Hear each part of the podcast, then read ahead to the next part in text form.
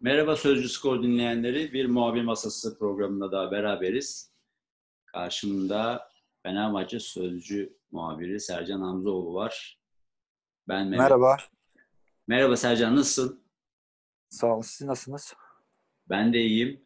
Ee, çok yine laf uzatmadan Fenerbahçe'ye hemen Fenerbahçe gündemine geçiyoruz. Gündemde zaten e, yine transferler var. Birkaç gün sonra büyük bir derbi oynanacak. E, lig başlayalı iki hafta oldu. Bunları böyle bir paket halinde konuşacağız. Ama istersen e, derbi gündeminden önce Fenerbahçe'nin transfer gündemi e, nasıl gidiyor? İç transferde bazı kritik durumlar olduğunu e, e, Serdar örneğiyle belki biraz konuşabiliriz. E, dış transferde Fenerbahçe'nin transferi hala devam ediyor.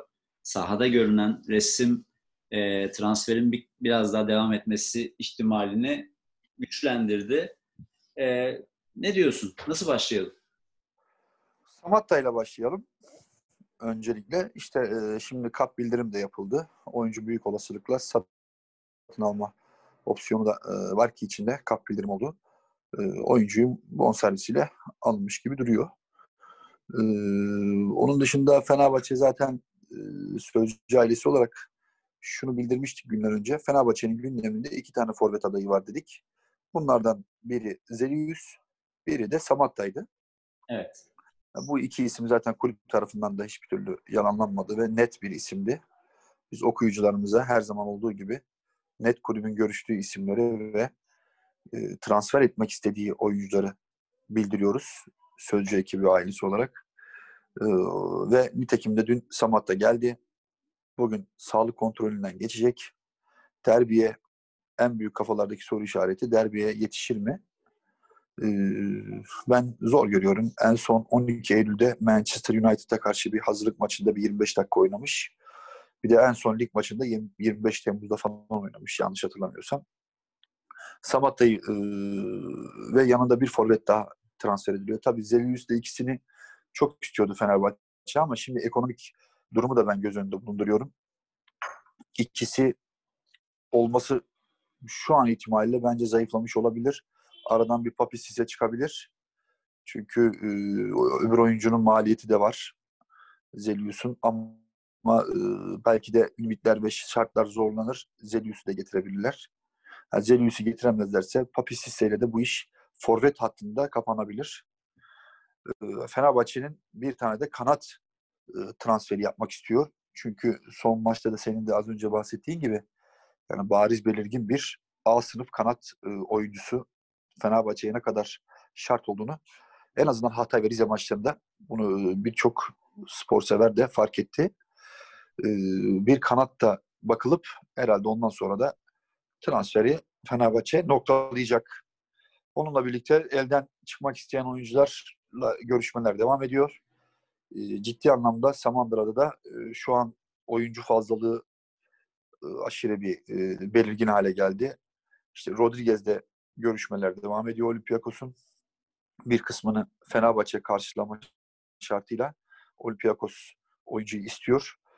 Ama e, Rodriguez de çok fazla e, Türkiye'den ve İstanbul'dan ayrılmak istemiyor. Bu seneyi burada geçirip gelecek sene ayrılmak gibi bir niyeti var ama e tabi burası e, Fenerbahçe her an oyuncunun menajeriyle de konuşulup yollar karşılıklı da ayrılabilir fethedilerek. Bu Erol tamamen Bulut, Erol Bulut'un planlarında çok yer alıyor gibi gözükmüyor. Yani şimdi kalsa bile e, çok fırsat bulamayabilir. Belki o nedenden de gitme konusunda ikna edilebilir. Yani oynamayacaksın. Evet. Oynayacağın bir yere gitsen sonuçta kazanacağı para değişmeyecek. Ee, Değişmiyor. Ikna, ikna edilebilir gibi duruyor. Evet öyle duruyor. Zaten o da biraz e, işte böyle durumlarda oynamayınca oyunda idmana çıkmıyor. Yani bir gün çıkıyor bir gün çıkmıyor. O da şimdi huzursuz, değer görmediğini görüyor teknik heyetten. Yani teknik heyet onu şimdi kadro planlamasında e, bir oyuncu antrenmanlarda ve tavırlardan anlar ve o da farkında şu an Fenerbahçe'nin onu düşünmediğini. E, o da şimdi arabayı boşa attı. E, bir gün idmana çıkıyor, bir gün çıkmıyor, bir gün mazeret bildiriyor. E, otomatikmen işte bu hafta da kadroya alınmadı. E, işte oyuncuların da maalesef bazen böyle durumlarda çok da profesyonelce hareket etmiyorlar.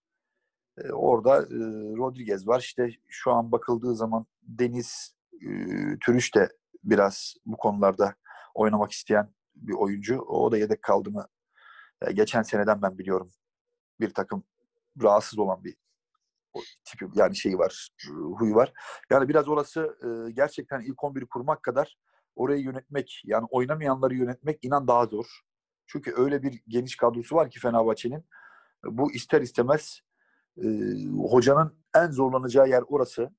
Yani ben bu hafta elime listeyi aldığımda oynayanlardan ziyade oynamayanları gördüğüm zaman kadroya baktığım zaman net bir 11 daha e, görüyorum orada şampiyonluğu oynayan.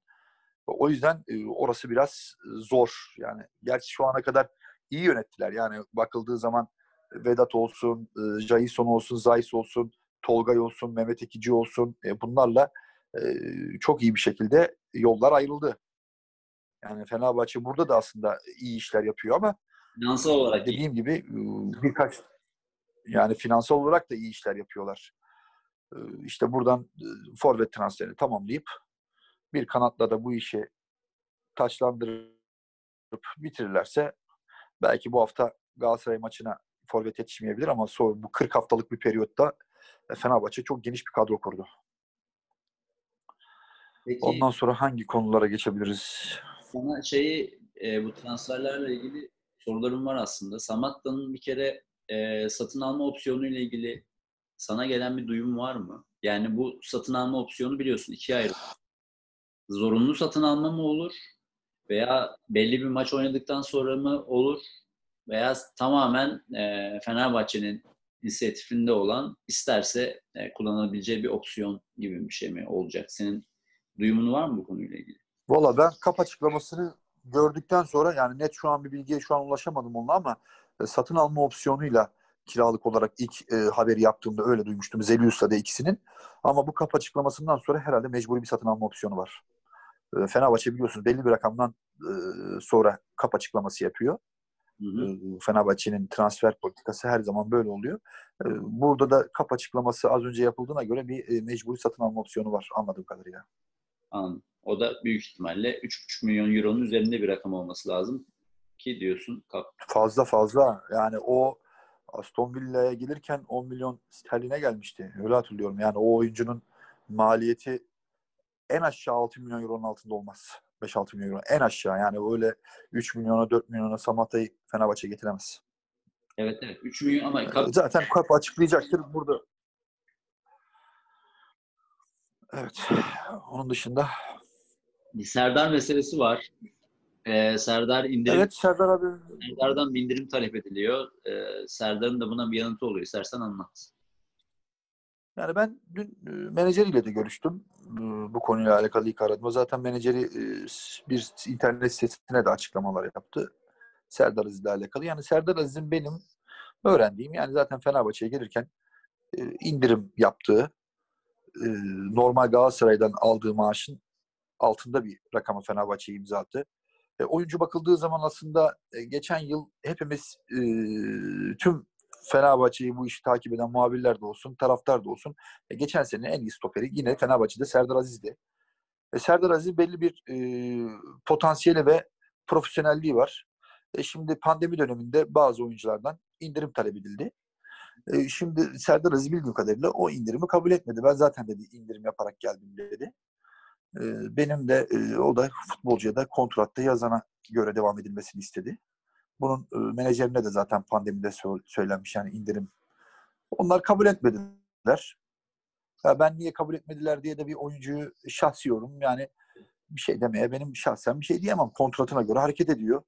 E, orada baktığım zaman e, kuru da sabitlemişler işte o Fenerbahçe imza attığında sanarsam zannedersem ki o zaman kur 7 küsürmüş Euro'da. Tabii TL bazında anlaşma yapılıyor. Oradan 5.80 ve 5.90'a falan sabitleyerek bir imza atmış Fenerbahçe. Yani oradan da aslında kurla Euro ile artan bir durum söz konusu değil. Hatta her geçen sene daha da gelecek sene mesela bildiğim kadarıyla 11,5 alacak milyon. Bu evet. sene 12 11.8 11.9 gibi o gün, tamam yani oyuncunun maaşı bu. Sercan o günkü kurla hmm. sanırım. Çünkü o gün şimdi yani ezbere konuşuyorum ama Ee, biz yedi, yedileri Yok ben birinci ağızdan öğrendim ama. yok senin Yani ben oyuncunun menajerinden öğrendim bu rakamı. hayır hayır seni, seni şey yapmak için söylemiyorum. 5 nokta e, 5.9'a 5.8'e sabitlenme olayı doğru. Ama o günkü kur oydu. Yani Serdar'ın Galatasaray'dan Fenerbahçe'ye geldiği dönemdeki kur e, o civarlardaydı. 6, 5.9. E, biz 7'leri daha yeni gördük Türkiye'de. Şey e, seçim sonrasında bir sıçramıştı sonra düştü. Yok ya şu an 9'da 7'ler ben bildiğim kadarıyla o tarihe bakalım. Google'dan da e, bakılır. Hemen çıkıyor zaten tarih tarih e, Euro'nun şeyi. Ben de dün hatta haberi yaparken de e, 7, 7 küsürmüş yani o zaman kur. Ha, ben bak- öyle biliyorum. Bilmiyorum ama orada yanılıyorsak da düzeltiriz. Tamam ben benim hafızam yan- yanıltıyor da olabilir. Yani kur o kadar in- hızlı inip çıkıyor ki kronolojik olarak takip etmek zor oluyor. Tamam sen baktıysan e, öyle de aslında şurada 5.9 iyi iyi bir oran. Benim aslında burada benim Serdar'la ilgili şöyle bir sıkıntı. evet evet. Ee, şeye katılıyorum. Futbolcunun kontratında yazan şeye futbolcu indirim istersin. Futbolcu indirimi kabul etmezse e, hiç futbolcuya burada tepki gösterecek bir şey yok. Futbolcu kendi kontratını devam edebilir. İndirim de yapabilir. Abdullah Avcı meselesinde olduğu gibi e, kontratın tamamını isterse hiç burada e, hocayı veya oyuncuyu kınayacak bir durum yok. Ama şeye e, Serdar'ın meselesinde benim kafama takılan şey şu. Serdar aslında Fenerbahçe'de yaptığı, e, gösterdiği performansı ben herkes kadar çok beğenmiyorum. Yani çok istekli, bir vites yükseltti. Sert de bir savunmacı olarak kendini böyle çok kırılgan olmayan, çok sak- sakatlanan bir oyuncu olduğu için kırılganmış gibi bir imaj vermek istemiyor. Bunların hepsi çok güzel ama çok kritik yerlerde çok kritik hatalar yapıyor. O sertliğini e, ceza sahasında e, gerçekten e, önemli olan yerlerde, e, golü engelleyeceği yerlerde ben çok göremiyorum. Sakarlıklar yapabiliyor. Adam paylaşımında hatalar yapabiliyor ki şey maçında, Rize maçında onun üzerinden bir gol yendi. Sonra bir pozisyonda yere düştü, yanından çalım atarak geçildi. Ben e, Serdar'ın isteğini, arzusunu yüksek buluyorum. Ama sahaya koyduğu stoper kalitesini arzu edilen şeyde bulmuyorum ki Fenerbahçe'nin bence e, indirim istemesinin sebebi yani işte Rodriguez'i göndermek istemesinin sebebi Rodriguez'in geçen seneki performansı iyi olsaydı Fenerbahçe bu sene onun e, kiralık sözleşmesini bitirmek istemeyecekti. Aynı şekilde Serdar'dan da çok memnun olsaydı e, bence bu indirim talebini gitmeyeceklerdi. Serdar aldığı para kadar sahaya bir şey veremedi. Ha, bak istek arzu konusunda yüzde yüz katılıyorum. E, ve sonuçta tabii ki Jason'la oynadığı için Jason'dan daha iyiydi. Ama Fenerbahçe kalitesinde şeyi e, performansı bir Serdar'dan göremiyorum. Yani bir milli takım stoperi geçmişi olan bir oyuncunun e, ben daha deneyimli e, sahaya daha böyle e, artı bir şeye katma değer katmasını bekliyorum. Şu ana kadar ben e, Serdar'dan göremedim ki olabilse milli takımda bir bir stoperimiz daha kazanmış olacak. Yani onun deneyimine bizim çok genç yetenekli stoperlerimiz var ama Serdar'ın deneyimine ihtiyaç var orada. Ee, benim o yani Serdar'la ilgili parantezim bu olacak. Bunun dışında Yani ben yani ben orada e, şöyle düşünüyorum. Ben yine e, söyleyeyim Serdar Aziz geçen sene hücuma çıktı, attığı kafa golleri yani defansta çok önemli maçlarda e, maçın adamları seçildi. Yani benim nezdimde evet hata yapmıyordur. Her stoper gibi o da hata yapıyordur ama ha benim nezdimde 10 üzerinden 7 bir stoper. Yani baktığın zaman Türkiye'de yine böyle bir e, stoper e, çok çok yok yani. Yani Serdar Aziz bugün Fenerbahçe'ye maliyeti bugün Serdar Aziz gibi stoperi almaya kalkarsan o zamanki bu zamanki arasındaki tek farkı sana söyleyeyim yüzde 40 da vergi var. Yani bunu herkes kaçırıyor şu an yeni dönemde ama mesela şimdi 12 milyon TL verdiğim bir oyuncuya para yüzde 40 mesela şeye Mert Hakan yanında şu 12 milyon mu veriyor Fenerbahçe? Üstüne de yüzde 40 vergi biniyor. Yeni e, alınan kararla. Şimdi o zamanlarda alınan böyle Serdar Aziz ve o dönem yapılan transferlerde yüzde 40 vergi yoktu. Mesela aslında Fenerbahçe e, elinde bence alternatifli ve, ve e, uygun fiyata bence kapattığı bir oyuncu var. Ve bence kalmasından yana ben kalmasından yanayım yani. Yok, en azından şunu diyebilirim. İyi bir yani Fenerbahçe'de kalmasından. Yani böyle bir stoperi bugün nereden bulursan bul, bulamıyorsun işte abi işte bugün baktığın zaman e, bugün Lemos geldi, Visenent geldi. İşte onların da performansını tabii ki göreceğiz ama ben bunlardan e, ilerleyen günlerde formayı ben Serdar Aziz'in tekrar kapacağını düşünüyorum. Yani benim şahsi fikrim. Çünkü Serdar Aziz'in belli bir potansiyeli var, belli bir e, hırsı var, rakibi e, korkutan, sert giren. Yani ben Türkiye'de futbolun böyle oynandığını düşünüyorum yani. Vallahi Serdar Aziz'in oyun stilinin Fenerbahçe taraftarını da korkutuyor. Her an ikinci sarıyı alır diye. Bakalım. e, Sağ, tabii yani öyle de bir durumu var. Biz- bizim bizim podcast programımızın güzel tarafı bu. Biz Sercan'la sürekli böyle e, farklı iki farklı tezi konuşuyoruz. Dinleyiciler. Tabii tabii. Yani Şimdi peki e, bir A klas kanat oyuncusu dedin. Biz yani sen bizim sözcünün bütün muhabirleri böyle sürekli oyuncu ismi ortaya atan gazeteciler değilsiniz. Seçerek e, sağlam kaynaklara dayanarak bu transfer haberlerini yapmaya ve duyurmaya gayret ediyoruz. Ve bu transfer de bu açıdan bence çok başarılı geçti gazetemiz açısından. Bir Perotti yani ben çizmiş ben burada bir şey paylaşmıştık. Şimdi şöyle biz e, gerçekten bu sene e, bana e, çok soru soru geliyor. Sercan abi geçen yıl kadar aktif değildin. Evet geçen yıl biraz daha aktif ola- olabiliriz. Yani olmuştur da. Ama bu sene şöyle bir biz özellikle ben bir yol haritası izledim.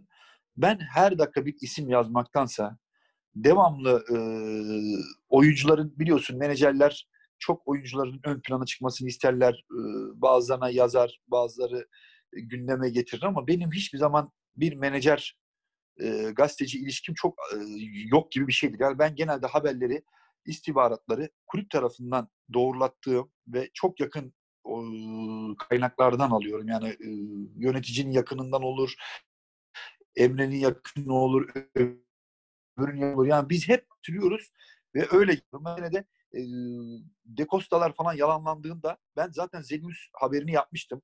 Samatta'nın da gündemde olduğunu yazmıştım. Ve e, ben o iki ismin yanında e, De Costa ve Manzukic yalanlandı resmi sitede.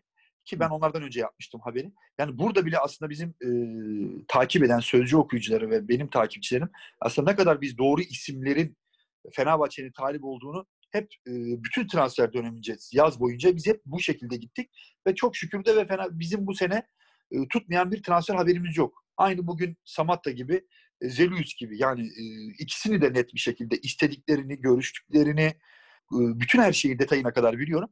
Yani böyle devam ediyoruz. E, kalan e, zamanda da e, sanırsam Perotti ismi geçti. Ama Perotti e, sorun var. Ağzının ama Perotti'nin çok uzun süre sakatlıkları da oldu.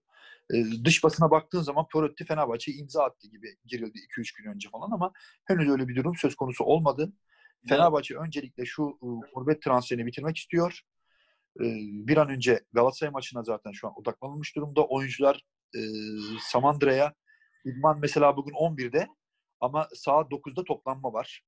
Ve Fenerbahçe e, devamlı toplanıyor. Erkenden oyuncular devamlı teknik heyet ve futbolcular derbiye havasına sokuluyor. Toplantılar, e, görüşler, e, uzun uzun toplantılar yapılıyor. Yani şunu demek istiyorum. Şu an derbiye odaklanılmış durumda. Hmm, O yüzden Fenerbahçe forvetini de bugün açıklayıp idmana almak istiyor. E, Şu an gündem tamamıyla aslında derbiye yönelik diyebilirim. Peki e, sanırım derbi öncesinde yine bu transfer görüşmeleri yoğunluğu arka planda devam edecek ama e, bir- bu Perotti meselesine ben şöyle parantez aç- açayım. Bazı oyuncularda e, çok uzun süre bir transfer görüşmesi yapılıp son anda vazgeçilen oyuncular da oluyor.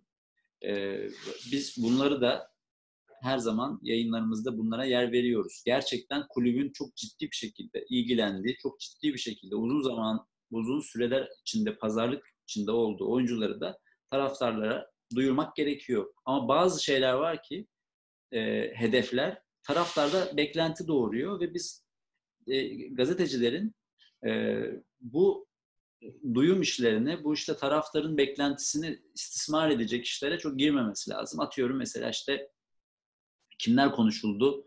E, Godinler konuşuldu, Cavani'ler konuşuldu, Costa'lar konuşuldu. Şimdi ortada olan bir limit durumu var. Ortada Fenerbahçe'nin bir bütçesi var, bir maaş bütçesi var. Kendisine belirlediği bir üst tavan var. Bunlar belliyken şimdi Cavani Benfica ile 10 milyon euroya anlaşamamış.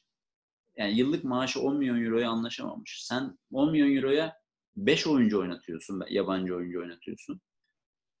Ama e, hayal etmesi güzel olduğu için sonuçta Cavani çok özel bir oyuncu olduğu için, hayal etmede güzel olduğu için bunu kötüye kullananlar olabiliyor. E, bunu da buradan bu şeyin altını çizelim.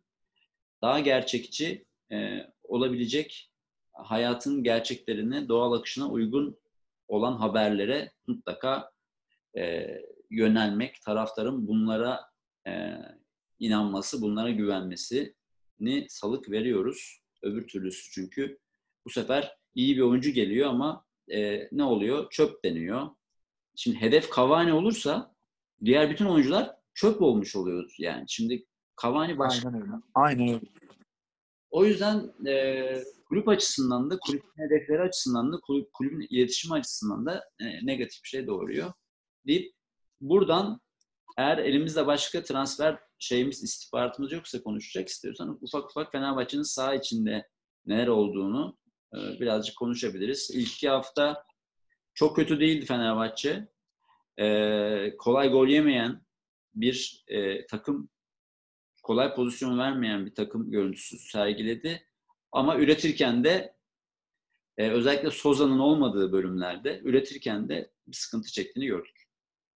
Evet yani mesela son Hatay maçında neredeyse 3 tane defansif orta sahayla çıktı. Yani rakip Hatay e, dörtlü defans geride e, Gustavo Ozan e, bir de Tolga Ciğerci. Yani şimdi sola bakıyorsun e, Tiam vardı. E, sağda kim oynadı? E, Tiam, e, Valencia. Ferdi vardı. Heh, Ferdi vardı. Sağlı sollu Ferdi Tiam işte. Yani şimdi bugün bu kadroya baktığın zaman işte maç sonu basın toplantısında rakibe pozisyon vermedik diyor ve rakipte 9 kişi. Yani gerçekten bu hafta ben biraz yazım sert oldu e, Erol Hoca'ya. Çünkü e, buranın gerçekten bir Fenerbahçe Spor Kulübü ve e, şampiyonluğun en büyük bu seneki favorisi.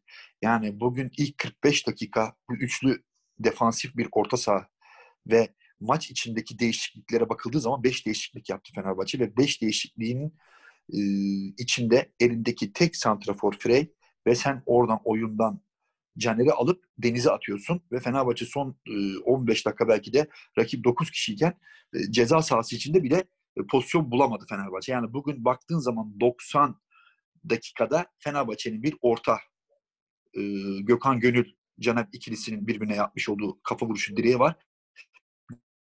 Son saniyede rakibi topa ters vuruş yapıp Sinan Gümüş'ün önüne düşen bir pozisyon var ve onun dışında Fenerbahçe'nin pozisyonu yok.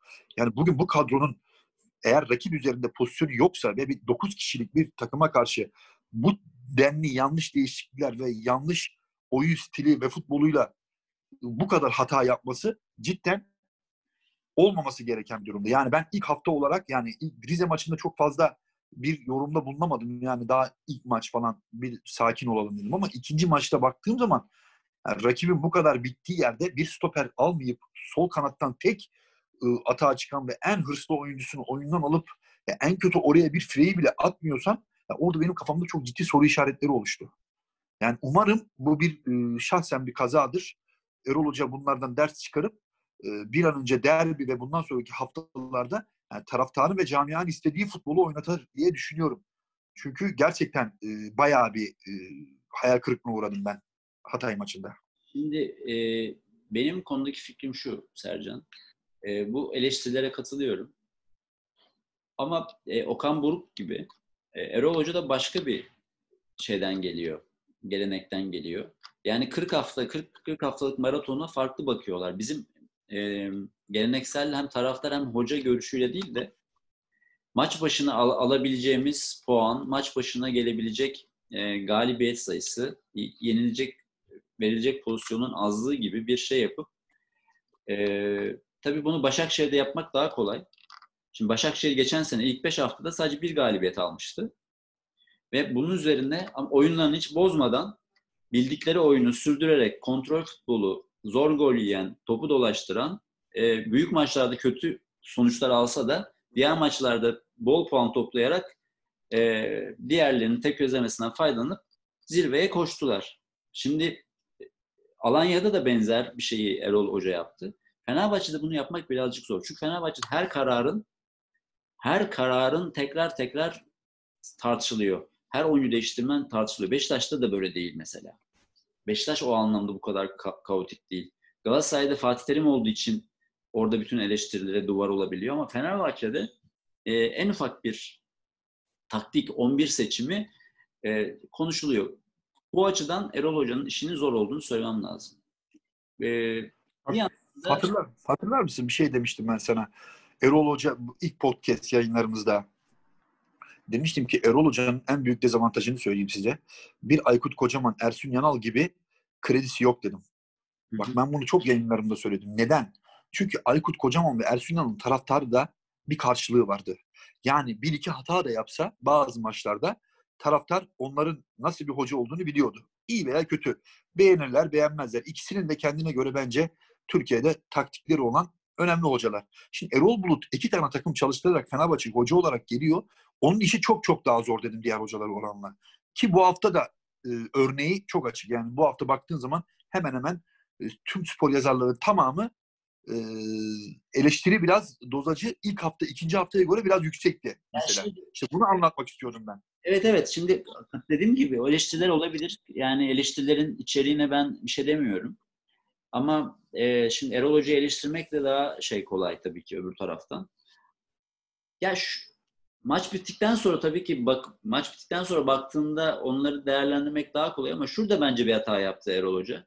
Çıkarttığı 11 eğer Fenerbahçe 50 bin kişiye oynasaydı Kadıköy'de o 11 maçı alabilirdi. Yani seyircinin getirdiği baskıyla boğarak 3 defansif oyuncu bile olsa sonuçta bir e, dörtlü bir hücum hattıyla skoru bulup erkenden e, gol pozisyonunda vermeden eğer tutmazsa da kenarda benim hamle oyuncularım var falan diye düşünüp bir planla çıktı. Ben buradan bir şeyler öğreneceğini, buradan bu eleştirilerden bir yere varacağını ve e, Erol Hoca'nın futbol aklının e, Fenerbahçe pozitif etki yapacağını düşünüyorum. E, bu bir maçla değerlendirmek haksızlık olur gibi geliyor bana. Şimdi derbide e, Tabii tabii. Tabii tabii yani hayır. nasıl bir şey çıkacak göreceğiz. Bence en, Erol Hoca'yı en çok vuran şey Soza'nın hastalığı ve o takıma geç katılması oldu. E, Soza'dan daha fazla faydalandığında onun kafasındaki oyun çok daha rahatlayacak diye düşünüyorum. Herkes daha iyi çalışacak. Ve Ozan'ın da bu arada Ozan'ın da bir küs Yani çok iyi bir kadrosu var elinde yani. şu an şöyle bir şey de var. Ozan'ın ve Deniz'in formsuzluğu e, nun da hiç konuşmuyoruz. Ama Ozan'ın isteksizliği geçen seneki Ozan'dan alakasız olması ve korkunç bir 45 dakika oynaması. Yani sonuçta evet 3 tane defansif orta sahayla çıktı ama Ozan istediği zaman çok ofansif bir oyuncu olabiliyor. Ve görevi de oydu. E, birazcık da ihaleyi dağıtmak lazım. Yani Deniz oyuna girdikten sonra çok kötü oynadı. E, birazcık ihaleyi de dağıtmak lazım. Ya bu oyuncular kendilerine verilen görevi de e, özellikle de yerli ve yetenekli oyuncular olarak takımın önemli oyuncuları Ozan. Ozan'ın vücut dilinde de bir sıkıntı var. E, bu bazı şeyleri de onlara da ihale etmekte fayda var diye düşünüyorum ben. Ben sana bir şey söyleyeyim mi? Ozan nedir biliyor musun aslında Ozan'ın durumu? Ozan benim kadromda birinci oyuncum sensin.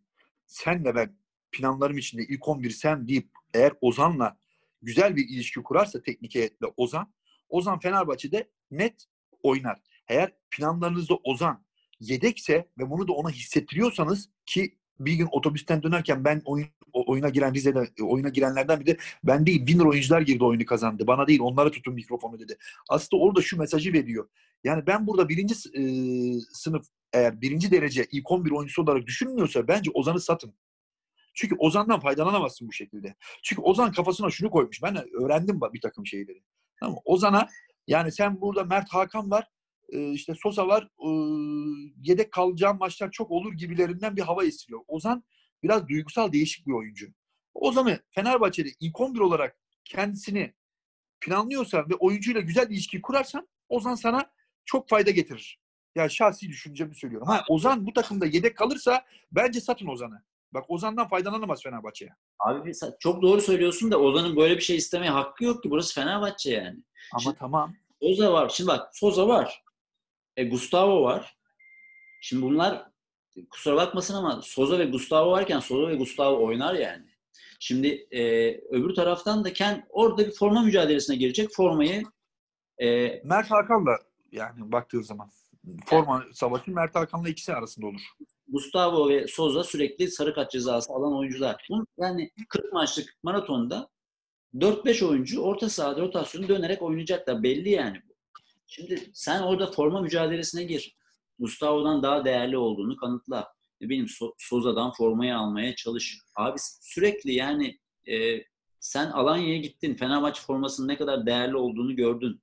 Yani Fenerbahçe kulübünde oynamanın ne kadar e, yani orada bir ders aldın. Bunun kendin de söyledin bunu. Formadan ayrı kaldığında ne kadar zorlandın. Abi gelip tekrar burada e, iki tane forma rekabeti oldu diye küseceksen e, o, abi o zaman zaten buraların topçusu değilsin. Yani Valencia'ya da gitsen yapamazsın. Val- Valencia'da sana direkt al formayı başla demeyecekler ki. Orada da birileriyle mücadele edeceksin. Yani Ozan'ın Ama abi işte Ozan bu ama zaten yani yıllardan beri Ozan bu. öyle Yani haklısın. Ozan Alanya'ya giderken de buydu yani. Ozan'ı zaten Fenerbahçe'de oynatmak istiyorsan, Ozan'dan faydalanmak istiyorsan zaten en büyük sorun buydu. Yani Ozan yıllardan beri işte Alanya'ya gitti, kadro dışı kaldı, geldi çok iyi bir dönüş yaptı, kontrat yapıldı kendisiyle. Yani Ozan'ın yani herkesin bir stili var. Senin dediğin yüzde yüz doğru. Burası Fenerbahçe. Çalışacaksın, formayı alacaksın. Öyle bir lüks yok. Tamam. Bunlar profesyonellik anlamında yüzde yüz katılıyorum ben sana. Ama Ozan'ın modeli bu değil işte. Ozan başka bir herkesin e, oyun yapısı, karakteri bizim düşündüğümüz gibi değil. Ozan'dan faydalanmak istiyorsan, Ozan'ı Fenerbahçe'de e, çok iyi performans e, almak istiyorsan Ozan'a sen bu takımın ilk 11 oyuncususun deyip oyuncuyu sakat, cezalı değilse sahaya sürersen Ozan'dan çok iyi fayda alırsın. Ben bunu anlatmak istiyorum. Hatta Peki- ben bir teknik direktör değilim. Ben şahsi yorumumu söylüyorum ama Ozan'a sen dersen ki işte sen benim birinci oyuncum değilsin. Benim birinci oyuncum bu dediğin zaman Ozan da küsmeye müsait duygusal değişik bir model. Onu anlatmak istiyorum. Yani Ozan'ı zaten planlamanız içinde bu şekilde çok fazla uzun süre götüremezsiniz Ozan'ı. Ozan'dan ya satacaksın ya da Ozan'ı bu şekilde kullanacaksın. Ben onu anlatmak istiyorum. Ha, senin de yorumlarına yüzde yüz katılıyorum. Yok ben senin söylediğin şey doğru zaten. Ben sadece senin söylediğin şeyin doğru olmaması lazım. Yani Ozan'ın bu bu kafa yapısından çıkması lazım. Daha da yaşı genç. Buradan öğrenip çünkü şimdi şimdi diyelim konuşuyoruz. Fenerbahçe orta sahasına bakıyoruz. Tol- tamam Tolga'yı kesersin. Şimdi eee Soza, Gustavo var. E sen varsın. Şimdi belli ki yani orta saha böyle oluşturulmuş. Şimdi sen olsan hoca, sen kendini mi oynatırsın yoksa Soza'yla mı başlarsın yani? Veya ne bileyim e, Mert Hakan. Şimdi Mert Hakan orada kullanılabilir. Sen Oza- Ozan'ın yani kendisini kadroda değerli yapacak yani değerini arttıracak yere bir 45 dakika oynadığı Hatay maçında 45 dakikada yani vücut dili o kadar kötü ki Al işte fırsat gelmiş abi. 11 çıkmışsın. E gelmiş sana fırsat işte. Bak 11'i koymuş adam seni. Seni sonradan sokmamış. E orada artık ver yani hiçbir şey yapmadan bir 45 dakikayı çöpe atarak e gittin kenarda gittin. E, ama işte bu e, Fenerbahçe için değil, Ozan için kritik bir durum. Ozan'ı sattı mesela Fenerbahçe. Atıyorum Valencia konuşuluyor. E, Valencia'da da aynısı olacak. Veya ne nerede olmaz biliyor musun? Yani yine Alanya gibi bir takıma gider. E, banko 11 oynar. Okey. Ama Alanya'da oynar. E, öyle onu mu istiyor acaba yani? Bence onu istemesin. Çok kıymetli Valla bir bilmiyorum ama Ozan'ın Ozan'ın şu an futbol e, stili, e, gücü baktığın zaman yani Alanya değil e, şu an her yerde oynar. Yani Ozan'ı eğer hazırlarsan Ozan bugün e, 8 numarayı e, iyi oynayan bir oyuncu. Yani ben Ozan'ın o kadar e, Biliyorum şu an Alanya değil de Alanya ayarında olduğuna inanmıyorum ben. Abi ben Yani Alanya Ozan geçen sene Fenerbahçe'de. ben herhalde doğru anlatamadım. Alanya yerine demiyorum. Kafadan al abi sen sen formas garanti. başka hiçbir şey yapmana gerek yok. Sen kafadan forma garanti diyecek takım Alanya. Yoksa e, Fatih Terim de al forma garanti demez. Tabii tabii anladım. Ha. Tayland daha iyiyse Tayland'a Ama Ozan'a dediğim gibi bak benim dediğim yorum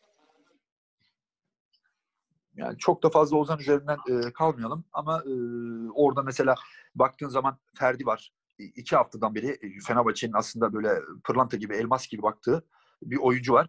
Ama baktığın zaman iki haftadan beri e, Ferdi de hiç beklenen bir e, futbol yok. E, orada şimdi Tiam'a bakıyorum. Sinan Gümüş'e bakıyorum. Acaba cidden bunlar Fenerbahçe'nin kanat oyuncuları mı? Ben daha çok bunlar yedek gibi yani böyle oyuna sonradan girecek hamle oyuncusu gibi hissettim. Mesela Tiam'da biraz sanki şaşırmaya başladım ama ben burada çok iyi bir teknik direktörle geçen bir telefonda görüştüm. Bu bana dediği laf şuydu. Tiam'dan dedi Fenerbahçe dedi nasıl faydalanır biliyor musun dedi. Burası Kasımpaşa değil dedi. Tiam dedi Kasımpaşa dedi hep dedi açık alan buluyordu ve çok iyi bir oyuncu alıp gidiyordu dedi. Mesela dedi Fenerbahçe'nin Antalya maçına bakın dedi hazırlık maçında dedi. Tiam dedi orada dedi uçtu gitti dedi mesela dedi. Devamlı dedi açık dedi. Aralara girdi. Arkadan koşular yaptı dedi. Ama dedi Hatay ve benzeri takımlarla karşılaşacak çok e, maç olacak Fenerbahçe'nin. Ve Tiam'ın dedi burada dedi çok orayı delip geçebilecek bir oyuncu değil dedi mesela dedi. Yani e, bakıldığı zaman aslında işte burada ne e, çıkıyor ön plana? Sinan Gümüş hiç değil bir kere. Yani Fenerbahçe'de hani Tiam'la Sinan, Sinan Gümüş'ü karşılaştırdığım zaman yani Tiam ondan bir iki gömlek daha üstte kalıyor. E, baktığım zaman Ferdi'de düşüş olduğu zaman e, gerçekten Fenerbahçe'nin elinde kim kalıyor kanat? Deniz'de Rodriguez kalıyor değil mi? Yani baktığım zaman gerçekten Fenerbahçe'nin şu an ciddi anlamda bir tane kanat e, A sınıf bir kanat oyuncusu yok şu an Fenerbahçe'nin elinde. Yani bu ileriye dönük evet geniş bir kadro ama e, orada çok büyük Fenerbahçe sorun yaşayacak gibi duruyor. Daha elinde önünde imkan var e, 4 Ekim'e kadar ve Fenerbahçe'nin ne yapıp ne edip çok iyi bir kanat oyuncusu alması lazım. Bir forvetin yanında yani. Hadi Samat'ta hadi Zelius olmadı. Papi Sisse'yi araya e, koydular. Ama bir tane kanat alıp bu işi noktalamaları gerektiğini düşünüyorum. Yoksa e, problem yaşarlar. Peki Benim yorumum bu şekilde. doğru söylüyorsun. Ee, o kanat içinde sanırım e, Erol Hoca'nın da bir isteği var. Aylardır çünkü o kanat için e, bir bakış oluyor. Bir arayış var. Ee, peki geldik derbiye. Şimdi Galatasaray tarafını da çok kısa geçeriz. Galatasaray lige çok iyi başladı. Ee, Fatih Terim'in elinde iyi bir kadro var. Her ne kadar transfer yapamamış olsalar da birçok oyuncuyla yollar ayırdılar. Ee, az transfer yaptılar ama aldıkları adamlar doğrudan e, 11'e yerleştirebildiler. Özellikle sağ bek Omar çok iyi bir oyuncu. Ee, Taylan e, verilen görevi olağanüstü beklentileri karşılayarak devam etti. Falcao ve Cagney'in iyileşmiş olmaları, sahada fit olmaları ve uzun zamandır aynı kampta olmaları, e, Fegoli'nin lige iyi başlaması, hatta Belhanda'nın bile iyi başlaması. E, enteresan bir oyun da buldular. E, hız, çok hızlı oynuyorlar. Çok hareketliler ön tarafta. Arka tarafta güvendikleri bir stoper ikilileri var. E, bunları bağlayan Taylan e, çok iyi bir e, çapa oldu. E, tabii ki bu çok kısa, elimizde çok küçük bir örnek var. İki maçlık bir örnek var. İlk maçta Gaziantep çok e, yani e, açık bir oyun oynamıştı. Ama Başakşehir maçında daha iyi bir sınav verdi Galatasaray bence. E, şimdi Fenerbahçe karşılaşması da da e, bu özgüvenle çıkacaklar. Bunu şimdi bir kenara koyuyorum. Fenerbahçe beklentileri karşılayamadı. Ama ve lakin bence derbi maçının e, şeyi atmosferi bu iki önceki iki maçtan daha farklı olur. E, Fenerbahçe Galatasaray'ın silahlarını durdurabilecek ve e, bu güç dengesini nötralize ede- edebilecek e, bir kadro kalitesine sahip diye düşünüp topu sana atıyorum. Evet, e, Galatasaray gerçekten e, iyi başladı. Yani ben Başakşehir maçını 90 dakika böyle gözümü kırpmadan izledim. E, beğendim Galatasaray'ı. Hatta onların ben gördüğüm ikinci bölgeden üçüncü bölgeye topu hızlı aktaramıyorlar. Yani orada biraz sorun yaşıyorlar. Ama ikinci bölgeden üçüncü bölgeye topu hızlı aktardıkları an çok ciddi pozisyonlar buluyorlar. Galatasaray'ın gördüğüm kadarıyla orada e, bir sorun yaşıyor. İşte orada Fenerbahçe'nin de en iyi olan yeri ikinci bölge. Yani orada Gustavo'su, Sosa'sı, işte Mert Hakan olur, Ozan'ı olur. Fenerbahçe aslında e, maçın derbinin e, belirgin olacağı ve kimin kazanacağı bölüm ikinci bölgelerde yaşanacak. Fenerbahçe ikinci bölgede topu iyi tutar. Rakibinin o çıkışını zaten zayıf olan noktasını iyi kapatırsa Fenerbahçe hızlı oyuncularıyla e, diğer kaleye hızlı gidebilir. Mesela orada Valencia, Tiam hızlı oyuncular. Bunlarla direkt üçüncü bölgeye rahat gidebilir Fenerbahçe. Yani tamamen taktik savaşının kazanacağı bir e, derbi olacak bu. E, ben kendi şahsi yorumum bu en azından bu yönde. E, Galatasaray'ın da kadrosuna baktım. Yani o gün oyuna girenlere e, Cagne giriyor, e, Babel giriyor. Yani Galatasaray'ın da fena bir e, kadrosu yok geniş anlamında. Çok Sen iyi. en az Fenerbahçe kadar var. Bence Galatasaray kadrosu çok iyi. Çünkü zamanında çok iyi kurulmuş bir kadro yani. Geliyor mu sesim? Heh, geldi dondu biraz geldi. Yani zamanında Ee, o yüzden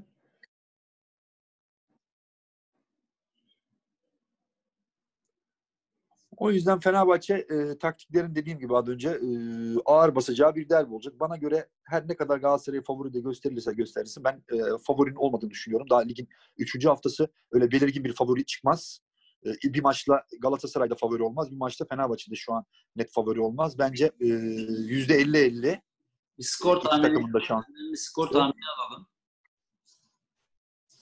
Yani, yani şu an skor tahmini de yapmak çok zor. Yani %50-50 çok da öyle takımları aşırı da bir e, durumunu bilmiyoruz. Erol Hoca e, doğru kadro, doğru teşhis yaparsa e, kaybetmeyeceğini düşünüyorum en azından diyorum. Yani Fenerbahçe kaybetmez diye düşünüyorum. Ama e, Hatay maçındaki gibi hatalar yapılırsa Galatasaray Fenerbahçe yenebilir. Yani çünkü Galatasaray biraz daha hazır Fenerbahçe'den. Dediğim gibi o ikinci bölge e, iki takımın da belirgin bir tarafın zayıf bir yer. Buralarda iyi analiz yapılırsa e, Fenerbahçe'nin kaybetmeyeceğini düşünüyorum. Ee, peki sence senin kafanda maçı oynattığında maçın adamı, maçın oyuncusu diyeyim, maçın adamı e, çirkin bir tabir. Maçın oyuncusu kim olur? Yani maçın oyuncusu en azından bana göre Fenerbahçe'de Sosa, Gustavo e, çok belirgin öne çıkar. Defansta da e, ilk defa defansların ön plana çıkacağı bir maçta olacak. Burada Vicenent'le başlayacağını düşünüyorum. E, Lemos da yanında olur herhalde çok büyük olasılıkla. Serdar Aziz'i ben olsam Serdar Aziz'le başlarım tabii. Vicenent Serdar Aziz'le başlarım. Tam derbileri bilen bir oyuncu. Vicenent de sert bir oyuncu. Serdar da sert bir oyuncu. Ama e, Lemos'ta da başlayabilir. Ama ben daha çok orta sahalardan maçın adamı çıkacağını düşünüyorum Fenerbahçe'de. Çünkü e, Samat da o maça yetişmez. Ben öyle tahmin ediyorum en azından. Zor yani bir e, antrenmanla Herhalde maça hangi çıkar mı? olarak kenarda Tabii oyuncunun durumuna da bakılır. bir noktada oyuna girebileceğini düşünüyorum. Kenardan oyuna alır. Ha, Ama e, burada mesela sürpriz Tiam açık alan bulursa Tiam da gidebilir. Yani e, gerçekten şu an çok zor e, bu yorumların cevabını alabilmemiz için. Çünkü çok daha sezon başındayız. Hı hı. Ama dediğim gibi yani benim şahsi düşüncem orta sahalardan çıkar maçın adamı. Ee, benim de derbiyle ilgili şeyim e, yani kafamda oynattığımda gördüğüm şey Erol Hoca'nın e, bir deplasman oyunu oynayacağını maçın başında topu Galatasaray'a bırakacağını geride biraz bekleyeceğini e, maç maça öyle bir stratejiyle çıkacağını ve hızlı bir şekilde e, topu Galatasaray'a verdikten sonra topu kazandığında yani Gustavo ile Souza ile Ozan'la kim orta saha kurgusu Tolga kim olacaksa topu kazandıklarında baskıyı yaptıklarında hızlı bir şekilde çıkıp e, Valencia'nın üzerinden bir oyun kurguladık kurgulayacaklarını e, ve hızlı bir şekilde de o bekleri de çıkartacaklarını ve duran toplarla skor bulup tekrar topu Galatasaray'a bul- bulmaya çalışıp tekrar topu Galatasaray'a bırakmak istediklerini düşünüyorum. E, bana kalırsa da Bence öyle kaybeder. Bence öyle maçı kaybeder. e, şimdi Eğer topu Galatasaray'a verirsen kaybedersin. Bana göre öyle çıkacak ama göreceğiz. Şimdi e, Valencia üzerinde bir kurgu olabilir. Valencia'nın Marcao ve Luyendama'ya kart göster göstertebilme kapasitesi var. Yani sırtı dönük topu aldığında çok hızlı dönebiliyor ve e, bir anda e, forma çekme, tutma o sarı kart pozisyonlarını çok rahat yaratabilen ve faulü gösterebilen, faul alabilen bir oyuncu.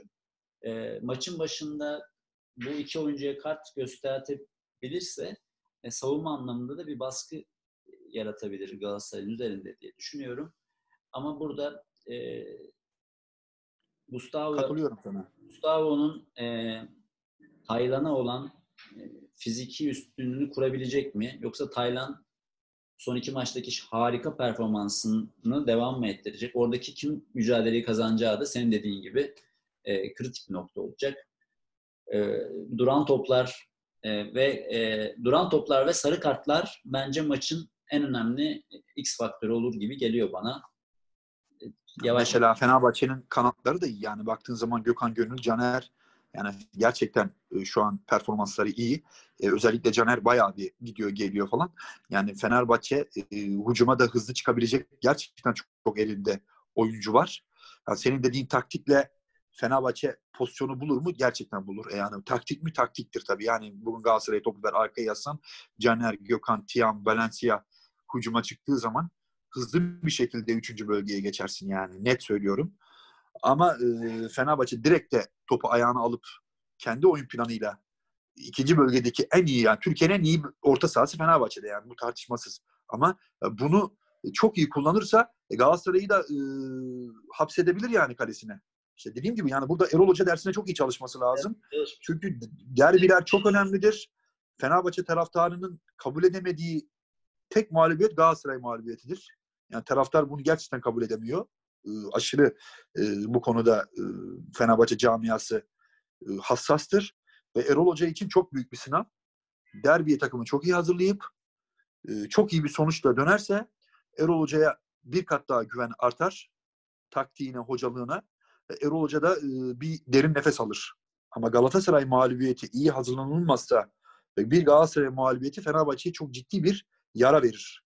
Yani ne kadar sezon başı olursa olsun daha önünde de 38-39 da hafta olsa Fenerbahçe'ye çok büyük bir yara verir. Bir- Umarım iyi hazırlanırlar maça. ve, e, birazcık şey olabilir. Ama sonuçta bu bir derbi maçı. Üç ihtimalde açık olduğunda eee, düşünmek lazım.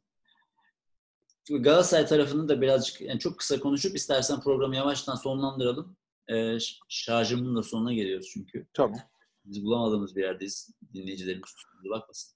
Şimdi e, Galatasaray tarafında da e, orada çok kritik performans. Yine Belhanda'nın çok istekli olması, e, bu sezona çok iyi başlamış olması, e, kenardan da gelebilecek gerçekten Babel ve Cagne katkısı çok kritik oluyor.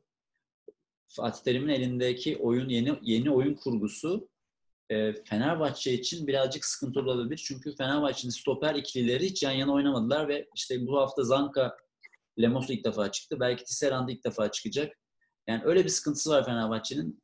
Galatasaray'ın yıllardır beraber oynamış ve şimdi beraber kamp yapmış hücum dörtlüsüne bir uyumsuzlukla e, karşı karşıya bırakacağı için ben Erol Hoca'nın çok arkaya yaslanmadan yani savunma setini çok arkada tutmadan birazcık önde ama daha kompakt bir bekleme yapacağını ve topu, topu hızlıca kapıp hızlıca hücuma çıkmak isteyeceğini stoper ikilisini bu e, deneyimli hücumculara karşı e, yalnız bırakmak istemeyeceğini, orada kalabalık olmak isteyeceğini düşünüyorum.